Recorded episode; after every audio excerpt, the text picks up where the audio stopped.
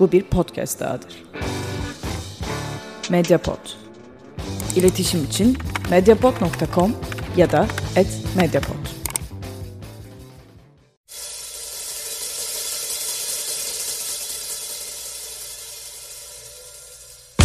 Bugün neden Batı hükümdarda Doğu onu takip ediyor? Bu sorunun yanıtı bile felsefe tarihinden süzülebilir. Kısa vadeli rastlantı teorileri ile uzun vadeli kilitlenme teorileri arasında nasıl bir ilişki var ve felsefe tarihi bu ilişkinin neresine düşüyor? Felsefe tarihini incelerken siyaset bilimi tarihi, astronomi tarihi ya da dinler tarihine yer var mı? Mevcut yaşam biçimimizden her şikayet edişimizde sanki doğuda veya batı olmayan bir yerlerde bir cennet varmış gibi düşünme eğilimi bir tür illüzyon yaratıyor. Ben Tansel Erdem Yılmaz. Ben Ömer Faikanlı. Gayri Safi Fikirlerin 99. bölümüne hoş geldiniz.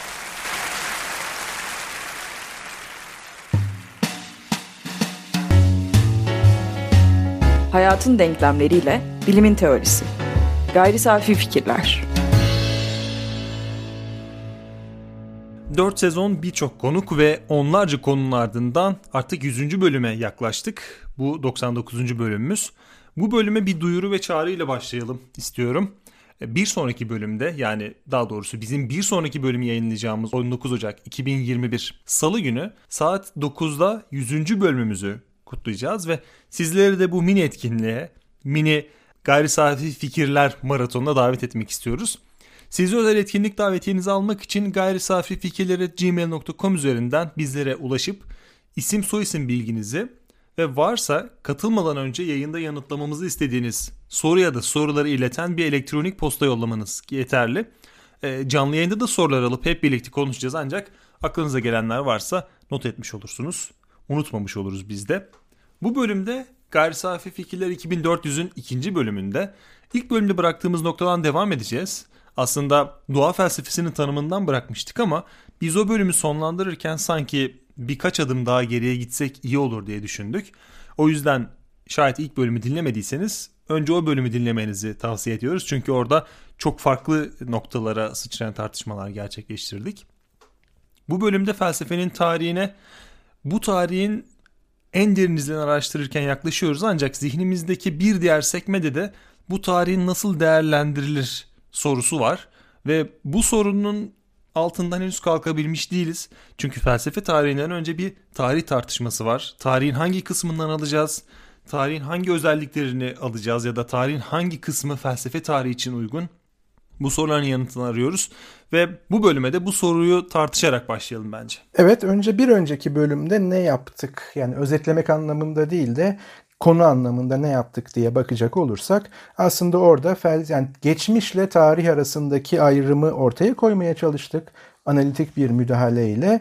Ondan sonra da felsefenin geçmişinde nasıl felsefe tarihi yazıyoruz veya üretiyoruz ve bununla beraber felsefe tarihi araştırma programının temel motivasyonları nedir veya ne olmalıdır gibi yer yer bazen belki normatif noktalara kaysak da e, bir girizgah yaptık. Aslında oradan bir doğa felsefesine e, çengel atmıştık ama bir noktayı kaçırdığımızı veya tamamlanması gerektiğini düşünerek bugünkü programın önermesini ve konusunu bir çatallanmayla paralel bir noktaya getirdik. O da nedir? Aslında felsefe tarihiyle beraber veya özelde felsefe tarihinin günümüzün hangi problemiyle ilgili olabileceği veya günümüzde tam olarak nasıl bir işlev görebileceği ile ilgili kendi başına kendinde kıymetli bir akademik araştırma alanı olmanın ötesinde. Şimdi burada geçtiğimiz programlarda Winston Churchill'in başka bir sözüne sıklıkla atıf yapmıştık veya gönderme yapmıştık onu biraz değiştirerek. O demokrasi en kötü yönetim biçimidir. Diğer yönetim biçimlerini saymazsak demişti orijinalinde mealen. Bizde genelde bilim veya bilimsellik için gerçeklikle ilişki kurma biçimlerinin en kötüsüdür. Diğer biçimleri saymazsak veya bilim sonu bilgiyle biten en kötü e, araştırma programıdır. Diğer programları saymazsak gibi e, benzetimler kurmuştuk. Şimdi bugün de biraz da böyle ironiyle veya da e, espriyle şöyle söyleyelim. Yarı zamanlı tarihçi Winston Churchill'in geriye dönünce ne kadar uzağa bakabiliyorsanız ileriye bakınca da o kadar uzağa görürsünüz sözü çıkış noktalarımızdan birini oluşturmakta aslında. Ama esas olarak Karl Popper'ın ki aramızdaki üçüncüyü asla unutmuyoruz. Önceki bölümde de değindiğimiz tespiti bize bir hipotetik ilke veriyor. Churchill'in bu e, ilkesiyle beraber. Popper şöyle söylüyordu hatırlatmak gerekirse, gerçek felsefi sorunların kökü her zaman felsefeye ait olmayan alanlardaki önemli sorunlara, problemlere dayanır. Kök yok olduğunda onlar da çürüyüp gider. O halde problemlerin kök saldığı alanlara örnek olarak hangilerini gösterebiliriz dersek politika, sosyal toplu yaşam, e, kozmoloji, matematik, doğa bilimler veya bilim ve tarihin kendisinden söz etmek mümkün. Yani felsefenin problemleri bir şekilde kökenlerinde esasen bu alanlardan geliyor. Popper'ın iddiası bu. Ve bu da bizim için bir hipotetik çıkış noktası oluşturmakta. Bu ne anlama geliyor? Demek ki biz felsefenin geçmişini tarihleştirmeye çalışırken şu soruyu soruyoruz. Üzerinde durduğumuz bu periyodun, bu dönemin veya bu filozofun ilgilendiği veya çözmeye çalıştığı veya aydınlatmaya çalıştığı problem ne? Felsefi problem ne? Ve bu felsefi problemin felsefi olmayan kökenleri veya çıkış noktaları neler diye soruyoruz. Şimdi buna bir örnek verelim. Makro bir yerden bir örnek verelim. Unutmayın konumuz felsefe tarihi. Bu ilişkiselliği göstermeye çalışıyoruz. Şu soruyu sorma riskini alalım. Çünkü çok tehlikeli bir soru. Yani sorunun sorulması tehlikeli değil. Sizi götürebileceği derinlikler oldukça tehlikeli. Neden Batı hükmediyor dünyamızda? Şimdi öncelikle şunu tabii altını çizelim. Ee, bugün satın aldığımız hemen her şey Çin'de üretiliyor. Tabii çoğunlukla üzerinde batı markalarıyla. Yine de 100 yılı aşkın zamandır Batılıların ordularını Asya'ya gönderdiği ama tersinin vaki olmadığı da açık. Yani şu anda çok kutuplu bir dünyadan tekrar bahsetmeye başlıyoruz. Özellikle ekonomik e, odakların kaydığı veya çeşitlendiği bir dünya. Ama bu dünyanın tamamında fikri hakimiyet bizim bugün batı dediğimiz veya batılı dediğimiz değerler veya da düşünme biçimleri, teoriler üzerine gibi görülüyor. Ama bunun somut bir karşılığı da var. Ee, biraz önce verdiğim örnekte olduğu gibi tarih veya geçmişin tarihleştirildiği zaman bize gösterilen gördüğümüz şey sürekli Batı ordularının doğuya seferleri ve başarıları ne yazık ki veya da e, tarihin gelişimi gereği ama tersinin asla vuku bulmadığı en azından bildiğimiz kadarıyla. Doğu Asya hatta Afrika ülkeleri batıdan çıkma kapitalist ve komünist veya komünist kuramlarla, teorilerle yine batıyla mücadele ediyorlar. Yani fikri hakimiyet derken bunu kastediyorum. İşte çeşitli teorilerde Afrika, Asya, Doğu Asya dediğimiz buradaki mücadele alanlarının tamamındaki teoriler aslında batı menşeli. Ve bunlar bir ithal değil, düşünme biçimimiz. Belki de bunlar doğruya çok yakın oldukları için veya yanlıştan göreli olarak daha uzak oldukları için yine bunlar kullanılıyor. Bunun nedenine ilişkin indirgemeci yanıt benim çok hoşuma gitti geçenlerde rastladığım. Yani bu kadar kısa cümlelerle bu kadar net ifade edildiği için hoşuma gitti. 1898'de yani 19. yüzyılın sonlarında söylenmiş bir söz. O da şu, tabii ki bir e, şiirden Türkçe'ye çevrilmiş. Daha sonra kaynak belirtiriz. E, şöyle söylemiş. Ne olursa olsun bizde var Maxim makineli tüfeği onlarda yok. Konu kapanmıştır. Şimdi bizim indirgemeci yanıtımız şu. Teknoloji batıda var. Ki bu silah üstünlüğü olarak görülüyor zaten hemen hemen tüm genel tarihte. Ama tamam da bunun temelinde nasıl bir fark var? Neden e, Amerika İç Savaşı'nda tarihin ilk tüfek, top e, kullanılan modern savaşı yapılırken aynı dönemde Çin'de tarihin son kılıç kalkan savaşı yapılmaktaydı. Şimdi bu güçler karşılaştığı zaman tabii ki pek çok etkenle beraber böyle bir resim çıkardı ama bizim ilgilendiğimiz şey neden Batı hükmediyor sorusuyla beraber bunun arkasındaki düşünsel tahkimatı açığa çıkarabilmek. İşte felsefe tarihi veya düşünce tarihi bunun aynı anlamda kullanmak üzere bizim bu soruya cevap verebilmemizi sağlayacak bir akışın tarihi olabilir. Ama tabii ki burada da bir tehlike var. O da e, durumun böyle olması yani vaka olarak karşılaştığımız şeyin böyle olmasıyla ve yaşadığımız buna bağlı tüm olumsuzlukların tüm şeylerle, olumlu şeylerle birlikte bir şekilde batı ile ilişkilendirilirken sanki cennetin de batı olmayan bir yerlerde olduğu gibi bir varsayıma kaymak. Yani şunu kastediyorum. Yaşadığımız bütün acıları düşünelim. İnsanlık olarak. Gerek e, böyle makro seviyede gerek yerelliklerde gerek bölgeselliklerde. Biz şunu söylüyoruz. Bu olumsuzluğun nedeni batı olmalı. Geniş ve makro kavram olarak. Çünkü madem ki fikri e, hükümranlık batıya ve batı düşüncesine ait o zaman olumsuzluklar da ona ait. Demek ki şöyle bir kısa devre bir yapabilirim ki e, burada çok ciddi bir safsata kokusu da gelecektir bu işi bilenlerden. O halde batılı olmayanlar otomatikman by default, by e, tanım gereği iyidir ve olumludur. Şimdi bu hataya düşmemek gerekiyor. Çünkü mevcut yaşam biçimimizden her şikayet edişimizde sanki doğuda veya batı olmayan bir yerlerde bir cennet varmış gibi düşünme eğilimi bir tür illüzyon yaratıyor aslında. Bu konu üzerinde özellikle felsefe, filozofya neden antik Yunan'dan veya antik Grek'ten başlar da Çin, Hint veya Mısır'dan başlamaz ve felsefe ile öğreti arasında ne fark vardır soruları üzerinde düşünmeye ve konuşmaya başladığımızda tekrar düşüneceğiz. Yani bu soruya tekrar döneceğiz. Ama ilk önceki teori grubunu birbirinden ayıralım tarihle ilgili. Bu farkı açığa çıkarabilmek için. Birincisi şu uzun vadeli kilitlenme teorileri adı veriliyor literatürde buna. Birinci gruba uzun vadeli kilitlenme teorileri. Yani Türkçe'ye çevirince çok güzel oluyor, hoşuma gitti. İkincisi de kısa vadeli rastlantı teorileri. Yani bu farkı açıklamaya yönelik. Şimdi hemen şöyle bir dipnot atayım. Bu iki teorilere e, çengel atmadan önce senin bu bahsettiğin noktada benim kısa bir eklentim var. Şimdi onların sonrasında bunu eklediğim zaman büyük ihtimalle biraz orada sakil duracak. E, şöyle anlatabilirim bunu.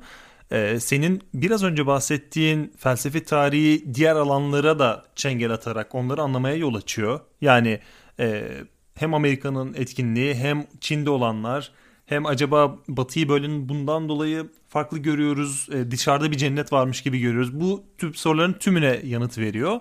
Bu geçişkenliğin bir de öteki tarafını tanımladın. Bu etmenler de felsefe tarihini etkiliyor dedin. Yani felsefenin politika, evren bilim, matematik ya da doğa bilimlerle ilişkisi, tarihle ilişkisi onun tarihini etkiliyor. Bunu anlayabiliyoruz. Ancak bu tüm doğa bilimleri disiplinleri ya da sosyal bilimler için geçerli. Yani sonuçta fiziği de dönemin siyasi koşulları etkiliyor. O dönem yaşanan olaylar etkiliyor. Hatta bazı olaylar e, oluyor ki bazı formülasyonların ortaya çıkışını tetikliyor. E, ancak bunu yapmak bizim için çok geniş bir alan ortaya çıkarsa da sınırları belirsizleştiriyor gibi geliyor bana. Çünkü esasen her şey birbiriyle etkileşiyor. Ancak hangilerini biz felsefe tarihine dahil edeceğiz, hangilerini dışarıda bırakacağız? Yani şu açıdan bakıldığında bu çok mantıklı bir bakış açısı. Felsefe tarihi için söylediğimiz bu genişe geniş alana yayılma, her alandan her şey yanıt verebilme gücü felsefe tarihinin etkisini ya da felsefenin düşüncenin etkisini kuvvetlendirirken diğer bir açıdan baktığımızda onun incelenmesini zorlaştıracak, zorlaştırmaktan kastım da onu bir araştırma nesnesi olarak görebilmek için, o nesneyi masaya yatırabilmek için birazcık amorf bir hale getirecekmiş gibi geliyor bana. Yani hem çok büyük fırsatlar içeriyor hem büyük bir felsefe tarihinin e, önemini açı, açığa çıkarma fırsatını içeriyor. Hem de bir risk içeriyor gibi geliyor. Bu senin anlattığın hem e, silah örneğinden de sonra anlattığın ya da e, bilim neden antik Yunan'da başladı, Çin ya da Mısır'dan başlamadı örneği. E, ve bunların bir adım gerisine gittiğimizde özellikle de e, batıya atfedilen şeylerin olmadığı yerlerin cennet olması sanki burada felsefeden ziyade ben sosyolojiyi devreye sokardım bu sorularda. Ancak bu şu anlama gelmiyor. Felsefe bunlara yanıt veremezden ziyade e, hem felsefenin hem sosyolojinin ya da hem felsefenin hem e, siyaset biliminin dahil olduğu yerlerde bunların tümünü felsefe tarihine dahil etmek acaba burada bir gereksiz şişkinlik mi yaratır? Bu iki teori grubundan önce belki bu mini e, kısım üzerine biraz bahsedebiliriz. Dinleyenlerimizin de aklına düşmüş olabilir. Şimdi analitik bir müdahale yapalım ama biz buna gayri safi fikirler müdahalesi diyelim. Senin bu e, komplike sorun içerisinde. Şimdi birincisi aslında bu e, tam da uygulamada bir gösterme biçimi. Neyi? Bu tüm saydığım bu girizgah yani neden Batı hükmediyor makro sorusuyla beraber dediğim tüm koşullanmalarla beraber bir felsefe sorusu değil. O yüzden elbette buna sosyoloji cevap verebilir. Bu sorunun direkt yanıtı ve tarih bilimi cevap verebilir. Ee, iktisat bilimi cevap verebilir. Bunların bileşkesi cevap verebilir. Ve belki de e, daha da genel bir şey söylemek gerekirse buna sosyal bilimler cevap verebilir. Felsefe bir sosyal bilim midir sorusu da geriye kalır. Biz zaten bu büyük sorunun cevabını arama işinin kendisine felsefe demiyoruz. Bu program özelinde veya bu girizgah özelinde. Şimdi bu birinci analitik ayırma diyelim. İkincisi bu batı düşüncesinin hükümran olduğunu söylediğimiz artıları ve eksileriyle büyük bir bölümü felsefe tarihi, felsefenin geçmişinden e, çıkıyor zaten. Şimdi e, 1830'lu yıllara kadar scientist ve science teriminin bugünkü anlamda bilime karşılık gelecek şekilde yaygın kullanılmadığı, Isaac Newton'un bile bir doğa filozofu olarak etiketlendiği veya kendini böyle tanımladığını hatırlatırsak, yani 19. yüzyıla kadar düşünsel alanda bilim dahil olmak üzere yapılan her işin en azından etiketi veya kapsayıcı çatısı zaten felsefe. O zaman felsefe tarihi veya felsefenin geçmişi bize bu öyküyü, olumlu anlamda bunu öykü olarak e, atıf yapıyorum veya gönderme yapıyorum, resmedecek şeyle örtüşüyor. Yani biz bu sorunun cevabını felsefe tarihinde arıyoruz en azından kısmi cevaplarını. E, ama burada da şöyle bir yaklaşım var biz Batı'nın hükümranlığını açıklarken birazcık burada hatta tamamen felsefe tarihinden izler nüveler bulabileceğimizi söylüyoruz. Fakat düşünce tarihinden sıyırdığımız zaman Batı'nın neden şu an bu e, seviyede olduğunu ya da Batı'nın genel olarak e, hükümdar olduğunu düşünürken bu ayrım çok de, derin ekonomik köklerde de bulunabiliyor. Yani felsefe ve düşünce tarihinden ziyade bilim scientist o kavramın ortaya çıkmasından ziyade ekonomik e, çalışmalarda belki sanayi devriminde onun çok daha öncesinde ekonomik atılımlarda bulunabiliyor. Bunu da bir kenarda bırakalım. Çok daha büyük bir e, akım var ki Batı'nın bu yükselişini inanç sistemleriyle açıklıyor. Yani Hristiyanlığın özellikle de protestanlığın yükselmesiyle Batı'nın sınırlarını açması ve kendi çalışma biçimini güncellemesi sebebiyle bir anlamda dünyayı fethedebilecek noktaya gelmesi, düzenli çalışmayı kendine şiar edilmesiyle açıklıyor. Yani birazcık bu nereden baktığımıza göre değişiyor. Felsefe tarihi açısından baktığımızda Batı'nın hükümranlığı tam anlamıyla felsefi ve düşünsel açıdan e, bir yolculuk olarak serimlenebiliyor. Ancak diğer açılardan baktığımızda onlar da mantıklı geliyor. Benim burada e, aslında ortaya atmaya çalıştığım soru şu. Ben bunun düşünce tarihi ve felsefe tarihinden çok önemli ölçüde etkilendiğini ve e, buradan sorular ve sonuçlar çıkarabileceğimizi düşünüyorum. Ancak diğer analizler ve tarihin diğer yorumlamaları ve felsefenin ortaya attığı yorum ya da felsefe temelli yorumu hangi kefede değerlendirmek gerekiyor ya da hangisinin geçerliliğini nasıl ölçmek gerekiyor? Buradaki bizim kriterimiz ne? Şimdi yine bir analitik müdahale sonra da uzun vadeli kilitlenme teorileriyle kısa vadeli rastlantı teorileri üzerinde durup biz tekrar felsefe tarihine dönelim. Şimdi birincisi e, reel ekonomik ilişkiler diyelim. Soru baki kalır, terimler değişir. Neden reel yani olan, olmakta olan, onun üzerindeki ekonomi biliminden bahsetmiyorum. Reel ekonomik ilişkiler neden batıda çeşitlendi ve değişti? Buna göreli olarak doğuda daha stabil kaldı. İkinci soru, sanayi devrimi neden İngiltere'de veya batıda gerçekleşti de Çin'de gerçekleşmedi? Hatta modern bilimsel devrim neden batıda gelişti veya batıda açığa çıktı da Kopernikus'tan e, Isaac Newton'a bir silsile veya da bir süreçten bahsediyoruz da İslam coğrafyasından veya İslam filozoflarından veya İslam bilim insanlarından bir silsileden bahsedemiyoruz. Bu kadar katkıları olmasına rağmen. Neden bilimsel devrimin en önemli isimlerinden biri olan ve Kepler'in e, bir anlamda öncüsü ve onun hocası olan genel anlamıyla Tycho Brahe döneminin en iyi gözlemci astronomu mu yoksa iki numara mı diye tartışırken o iki numara acaba Takiyüddin yoksa bir numara mı Takiyüddin de İstanbul Gözlem Evi'nin baş e, müderrisi dediğimizde veya baş gözlemcisi dediğimizde peki aynı dönemde neden İstanbul Gözlem Evi topa tutturularak yıkıldı da biz bugün gidip göremiyoruz bile? Ama Tycho Brahe yaptığı gözlemlerle bilimsel devrim sürecinin, modern bilimsel devrim sürecinin çok önemli bir parçası. Neden inanç sistemleri batıda böyle çeşitlenip en azından bu ortamı, bu kısmi özgürlüğü veya her neyse onun adı yaratabilirken e, bırakalım yani İslam dünyasını neden e, Çin'de veya Hindistan'da yani Budizm gibi daha farklı e, kavrayışların olduğu yerden çıkmadı. Ve belki reel örnek, ben bunu sanırım daha önceki programlarımızda dile getirmiştim. Alev Alatlı'nın kitaplarından birinde şöyle bir ibare vardı. Ee, biz bu modern bilimi veya modern bilimsel e, yaklaşımın, yani aklıma kaldık kadar söylüyorum, daha sonra kaynaklandırırız, tam atıfını yaparız belki. Bunu takip edeceğimize insanlık olarak Belki Confucius'u, Tao'yu takip etseydik, evet atomu parçalayamazdık, uzaya roket gönderemezdik ama bebeklerimiz, e, iltica etmeye çalışan bebeklerimiz sahillerimizde ölmezdi. Benim buna cevabım şu, acaba mı? Çünkü biraz önce söylediğim uyarı buydu. Batı düşünce biçiminin yani bu ayrımın bile ne kadar yapay olduğunu aslında bu seri bize gösterecek. Üzerine düşüneceğiz veya üzerine konuşabileceğiz. Ama e, tüm olumsuzluklarıyla beraber tüm olumlu yönlerini gözden kaçırmayalım. Yani o tarz düşündüğümüz için bebeklerimiz ölmüyor şu anda teknolojik olarak pek çok şeyi ve bilgi temelli olarak çözebilecekken çözememe veya çözmeme sebebimizin nedenleri başka yerlerde yatıyor. Elbette yeri geldikçe konuşuruz ama biraz önce söylediğim illüzyona düşmemek lazım. Yani biz Confucius yani bırakın başka inanç sistemlerini Confucius'u Tao'yu takip ediyor olsaydık insanlık olarak evet roket gönderemezdik, at, e, atomu parçalayamazdık ama insanlar ölmezdi. Peki Çin'de hiç savaş olmuyor muydu? Çin tarihine bir bakmak lazım. Şimdi onlar bakın hala baştan beri e, şimdi dinleyiciler mesela şu dinleyicilerimiz arasında şöyle bir fikir gelişmeye başlayabilir. Ya felsefe tarihi diye dinlemeye başladık. Olay nerelere gidiyor? İşte Popper'ın dediği şey buydu.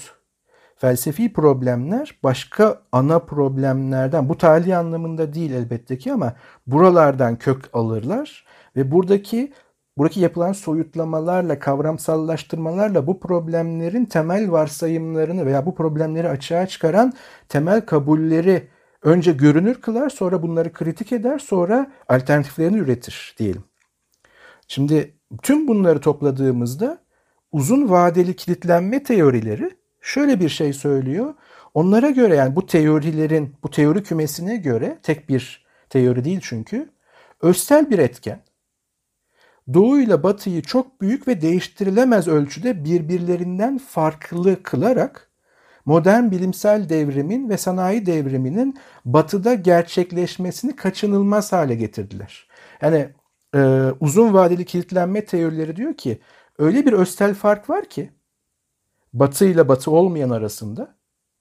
Bu fark bakın iyi kötü değil tarihin akışını yönlendirecek bir fark sadece. Bu fark Zaten başka bir yerde bilimsel devrimin veya modern felsefenin veya da sanayi devriminin olmasını olanaksız kılacak kadar önemli ve özseldi. Şimdi uzun vadeciler bu etken üzerine tartışırlar. O özsel farkın ne oldu? Mesela bazıları bunun iklim, topografya veya doğal kaynaklar gibi fiziksel güçler olduğunu söylerler. Diğerleri ise mesela yine uzun vadeli e, kilitlenme teorileri içerisindeki diğer bazı teoriler ise bunun kültür, politika, felsefe, bilim veya din gibi daha az, daha az elle tutulur unsurlar olduğunu söyler. Yani biri der ki düşünme biçimleri, kültürler farklı olduğu için sonuç farklı oldu ve bu özel bir farktı. Aynı grup içerisindeki bir diğer teori grubu da diyor ki bu fiziksel farklılık yani mekansal farklılık. Şöyle örnekleyeyim. İlk grup yani bu iş fiziksel bir farktır de, de, diyen grup. Bunlar çevresel determinizm denilen bir teoriye sahiptirler. Ve bunlar der ki Bu uzun vade 15 bin yıl öncesine kadar gider. Farklı coğrafi koşullar, farklı mekansal koşullar insanların davranışlarını, düşünme biçimlerini, yaşama biçimlerini, gerçeklikle kurdukları ilişkiyi etkileyecek denli özseldir. Dolayısıyla diğer bölgelerde yaşayan insanlardan anlamlı bir fark çıkar, doğar ortaya. Mesela e, Jared Diamond bunlardan biridir. Çok e, kitaplar okumuştur Türkiye'de de. Mesela e, Tüfek Mikrop Çelik'te aslında tamamen bu tezi savunur. Batılıların Amerika'yı sömürgeleştirebilmesini ve oradaki yerlileri çok hızlı bir şekilde e, öldürebilmelerinin sebebi sadece tüfek değildir. Tüfek nedenlerden biridir. E, mesela mikroptur. Çünkü batılı insanların bir şekilde daha doğrusu yaşadıkları coğrafi koşullar gereği veya onlara bağlı olarak bağışıklık geliştirdikleri mikroplara Amerika kıtasında rastlanmadığı için bu mikroplar oraya taşındığı anda orada çok ciddi ölümlere neden olmuştur. Şimdi burada bir e, sömüre, sömürü, sömüren ilişkisi elbette daha sonra ortaya çıkacak ama tamamen çevre koşulları tarihin gidişini, geçmişi biçimlendirmiştir. Tarihte buna göre yazılmıştır. Ve bunu e, yaparsak 15 bin yıl önce biz farklılaştık demektir. Ama kısa vade düşünenler bu konuda mesela kültürü, düşünme biçimini, işte felsefe de buradan doğacak bu teorilere göre veya işte e, benzer inanç biçimlerini temeli alanlar bu farkın 2500 yıl. Şimdi bizim program içinde 2400 yıl önce yani antik Grek felsefesine kadar geriye götürürler bu farklılaşmayı. Yani antik Grek'le beraber bir şey oldu. Bugünkü Batı Anadolu ve e, Yunan Yarımadası'nda. Ve o olan şey bizi bugünkü noktaya kadar getirdi. Bugünkü noktayı zorunlu kıldı oradaki o özsel fark. Yani bunun üzerine daha detaylı duracağız yeri geldiğinde. Mısırlılardan, Mezopotamyalılardan, Hintlilerden ve Çinlilerden farklı düşünebildikleri için antik Grek uygarlığı ki bu e, terim de kullanıldı üzerinde duracağız. Bir Yunan mucizesi, Grek mucizesi yaratarak bugünkü batının düşünsel temellerini attılar. Şimdi bakın biri çevreye bakıyor 15 bin yıl önce, öbürü kültürel bir fark diyor. Onun üzerine daha çok duracağımızı söylemiştim. Bu da diyor ki 2500 yıl, 2400 yıl önce bu farklılık artık ortaya çıktı. Ancak her ikisi içinde yani iki tür alt teori grubu içinde 1840'larda topları ve tüfekleriyle Şangay'a giren Britanyalılar ve bundan 10 yıl sonra Japonya'yı limanlarını açmaya zorlayan Amerikalılar binlerce yıl önce harekete geçirilmiş bir olaylar zincirinin bilinçsiz failleriydiler 19. yüzyılda. Yani tren 2500 yıl önce veya 15 bin yıl önce kalkmıştı bile diyor bu teori grubu. Bu uzun vadeli kilitlenme teorilerinin iki alt başlığı var. Ee, ancak bu iki alt başlığında kendi aralarında bir farklılaşması olduğunu seziyorum ben. Çünkü ilk kısım çevre faktörlerine, iklim, topografya, doğal kaynaklara e, yöneliyor. İkinci kısım biraz daha kültürel. Yani bu bizim tartışmalarımız gibi görünüyor.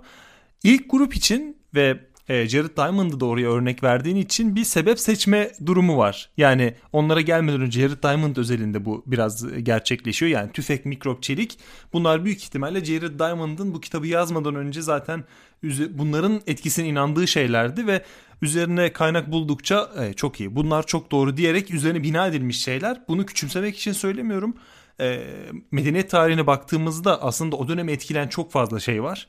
Ve biz oradan bir şeyleri seçtiğimizde onların önemi ortaya çıkıyor. Örneğin e, sanayi devrimini incelediğimiz zaman o döneme e, dair çeliğin, e, kümür kaynaklarının bu e, devrimi etkilediğini görüyoruz. Ancak şöyle de bir durum var. E, o dönem ortaya çıkmış bir istiridye türü var. Gemi kurdu adında. Bunun özelliği gemileri parçalıyor, tutunduğu gemileri ve bir an bir anda onları e, talaşa çeviriyor parçaladığı kısımları ve gemiler su almaya başlıyor. Gemiler su almaya başladığı için e, gemilerin revize edilmesi gerekiyor ve bu revize işleminde bakır kullanılıyor. Başka bir alternatif bulunamıyor çünkü gemiler aylarca seferlere çıkıyor. Tam savaş dönemine denk geliyor bu.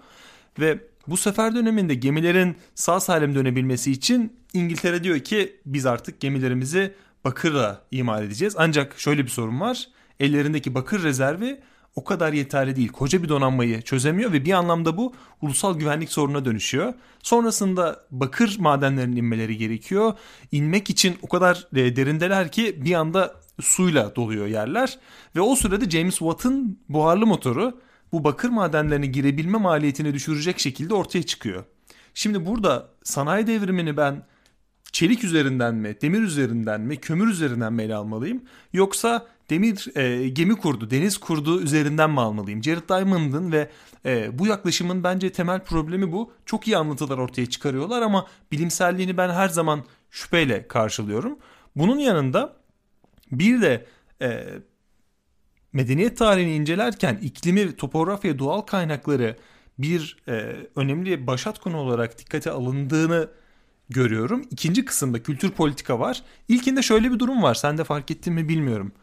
Bizim hiçbir şekilde müdahil olamadığımız bir şey var. Yani iklim böyle, topografya böyle, kaynaklar böyle, e, coğrafya kaderdir. Burası böyledir. Yani coğrafya kaderleri e, Türkiye'de kullanılan o e, aşınmış anlamıyla kullanmıyorum. Gerçek anlamda coğrafya kaderdir diyorlar. İki ta- ikinci tarafta kültür, politika, felsefe, bilim, din aslında bunlar zaten insanın şekillendirdiği ve bugün bir kültürel devrim olsa e, tabii farazi konuşuyorum. Bunların hepsinin değişebileceği bir senaryo oluşabilir. Ancak topografyayı değiştirmek çok mümkün değil. Yani bu uzun vadede e, uzun vadeli kilitlenme teorilerinin ikisinin hem e, iki uzun vadenin birbirleriyle tam olarak örtüşmediğini düşünüyorum. Ancak bu onların bir diğerini geçersiz kıldığı bir durum yaratmıyor sanırım. Çünkü dinleyenlerin de büyük ihtimalle bu, bu soru akıllarına düşebilir. Ee, şöyle söyleyeyim. Aslında çelişmiyorlar. Yani kültür odaklı düşünenler de çevresel determinist yani çevre koşulları her şeyi belirledi diyenler de e, çelişmiyor bir anlamda. Sadece uzun vadenin ne kadar uzun vade olduğu üzerine ve temel unsurlar tabii ki ayrışıyorlar. Ama neden ikisi de aynı teori grubu altında ve bizim esas olarak e, üzerine duracağımız teori grubu bu. Felsefe tarihi üzerine konuşurken. Çünkü dikkat edersen buradaki teorinin adlandırılmasında seçilen sözcükler tesadüfi değil. Kilitlenme. Yani bu fark orada kilitlendi ve o değişebilir bir şey değil. Bundan sonra olası değişim yine bu batı düşüncesi içinden çıkacak. Örnek mi istiyorsun? Modernizmin en sıkı eleştirme, eleştiri e, ne diyelim ona odağı ister postmodernde ister başka bir şeyde yine batının içinden çıkıyor. Yani biz bugün modern felsefeyi eleştirmek için veya da aydınlanmayı eleştirmek için tekrar batı temelli düşüncelere gidiyoruz postmodern adı altında. İşte Derrida'nın dekonstrüksiyonu diyoruz. Derrida hangi düşünsel hükümranlığın ürünü? Ya da şöyle diyelim, e, ya işte aydınlanma aslında bambaşka bir sonuç doğurdu. İçindeki diyalektik çelişkiler dolayısıyla Frankfurt okulu. Ya Frankfurt'un yerine bir bakın haritada en hani kaba haliyle. Şimdi uzun vadeli kilitlenme o yüzden zaten bu iş kilitlendi. Yani değişim yok. O tarihin sonu tezi falan değil bu. Bunun dediği şey değişim de bunun içinden çıkacak. Bu o kadar farklılaştı ki bu özsel farklılık ister çevre olsun ister kültürel bir şey olsun. Yani bilim olsun, düşünme biçimi olsun, dini inanç biçimi olsun. İşte ne olursa olsun. Ama senin demin verdiğin örnek aslında kısa vadeli rastlantı teorilerinin kullanacağı bir örnek. Yani oradaki o istiridye türü demiştin işte o dediğin şey bu bir rastlantı. Yani başka bir şey de olabilirdi. Veya şöyle de açıklayabilirsin. Yani sanayi devrimi için o buhar makinesi hem semboldür hem de reel başlatıcıdır. Ama onun olabilmesi için normalde kullandığımız şekilde odun kullansak yakmak için o kadar odun İngiltere'de yok hatta Avrupa'da yok. O enerji için. Tesadüfe bak ki kömür İngiltere'de. Yani bu fikirle o yeraltı kaynağı tesadüfen bu şey değil. Bu fikir anca burada gelişirdi diyebileceğim bir şey değil. Ya da madem bu fikir var kesin kazalım aşağıda kömür vardır diyebileceğim bir şey değil. Bu ikisi tesadüfen bir araya geliyor ve bizim sanayi devrimi dediğimiz şeye neden oluyor. Şimdi bu, bunlar kısa vadeli rastlantı teorileri ve adı üstünde bu rastlantılar ve kısa vadilerde çok farklı değişimlere yol açabilir. Burada bir kitlenme yok. Şimdi uzun vadeli kitlenme teorilerinin ortaklaştığı bir şey var. Yani biri bunu çevresel koşullarla açıklıyor, diğeri işte açıklamaya çalıştığı şey daha komplike. O zaman düşünme nasıl değişiyor veya buradaki özsellik nedir diyor. Ama ikisi de diyor ki yaklaşık 2500 yıl önce antik Grekler akla, yaratıcılığa ve özgürlüğe dayanan eşsiz bir kültür yarattılar. Avrupa'yı dünyanın geri kalanından farklı ve genel yoruma göre daha iyi bir yörüngeye oturtan da bu oldu. Sonraki tüm silsileyi. Doğu'nun kendine özgü bir irfanı olduğunu kabul ediyorlardı. Ancak onların yani doğuluların gelenekleri batı düşüncesiyle rekabet etmek için fazla karışık, fazla tutucu, fazla hiyerarşikti. Şimdi bu da bize felsefe ile öğreti arasındaki farka götürecek. Yani şunu sık sık tartışırız yani çeşitli mecralarda. Mesela Çin felsefesi bugün hatta müfredata kadar girdi. Okul felsefesinde, lise felsefe kitaplarında. Konfüçyüs'ten bahsediliyor felsefe kitaplarında.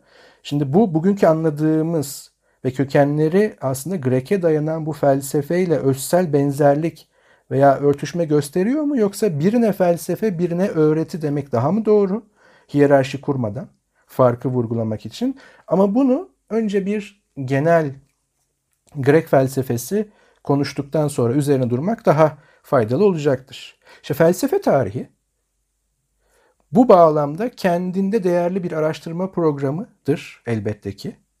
Ama hem de genel olarak bu kavrayışın ve problem ağının bir parçasıdır. Baştan beri üzerinde durduğumuz. Bütün tarih araştırmalarında olduğu gibi bu araştırmada da yani felsefe tarihi araştırmasında da çıktıların yani ürünlerin bir kronolojik sıra yapması gerekir. İç bütünlüğü olan bir öykü kurmalıdır, bir anlatı kurmalıdır. Mümkün olduğunca bir neden sonuç ilişkisi kurabilmelidir. Çünkü unutmamamız gerekir ki bütün felsefe teoriyaları, teorileri aksiyon reaksiyon ilişkisi içerisindedir. Burada kastettiğim şey şu felsefe tarihi yapmak. İşte Platon bunu demiştir, bunu savunmuştur. Platon'da idealar vardır. İşte e, şu vardır, bu vardır. Sokrates savunmasında bunu söylemiştir. Kapat, bu küme bitti. Aristoteles ise bunu söylemiştir. Agustinus şöyle söylemiştir. Descartes neydi o? Düşünüyorum öyleyse varım demiştir. Bu felsefe tarihi değil. Şimdi bir, bu kronolojik bir sıralanma elbette. Bu gerekiyor ama tek başına felsefe tarihi değil iç bütünlüğü olan bir anlatı olmalı. Yani kimin ne dediği değil. Bunu bir anlatı formunda olmalı. Ve üçüncüsü mümkün olduğu neden sonuç ilişkisi kurmalı. Yani bunu neden söylemiş. Ki söz olarak değil veya bu teoriye neyle ilgili. Ve o ilgili şeyle ilgili olduğu konuda bu teoriye ne getiriyor? Neyi değiştiriyor, değiştiremiyor. Düşünsel ve reel anlamda. Çünkü şunu unutmayın. Aristoteles ki daha çok sonraki programlarımızın konusu Platon'un açıkça yanıldığını iddia ediyordu. Yani bugünkü terimlerle aslında o günkü terimlerle söylersek yanlıştır, eksiktir diyordu. Ama biz bugün felsefe tarihi müfredatı aktarırken Platon ve Aristoteles'i ilgisizmiş gibi ve her ikisi de dönemi itibariyle ve bugün doğru olabilirmiş gibi veya doğru yanlış terimlerinden azadeymiş gibi anlatıyoruz. Buna da felsefe tarihi diyoruz. Çok genel olarak konuşuyorum tabii ki. Kendimiz de katabiliriz. Biz burada yapmaya çalıştığımız şey o yüzden ikinci programda bile henüz daha bir filozofun ismini duymadınız aradaki göndermeler hariç. Temel sebep bu. Şimdi o zaman ne yapmamız gerekiyor veya felsefe tarihinin ne yapması gere- gerekiyor? Veriyi enformasyona, enformasyonu tarihsel bilgiye, ve bu bilgiyi de rasyonel bir anlatıya dönüştürmesi gerekiyor. Ve e, ben sadece bir seçim yaptım. Yani tüm bir felsefe tarihi veya da tüm bir felsefeyle ilişkin tartışma şu Batı neden hükmediyor gibi soruya bağlanmak zorunda değil.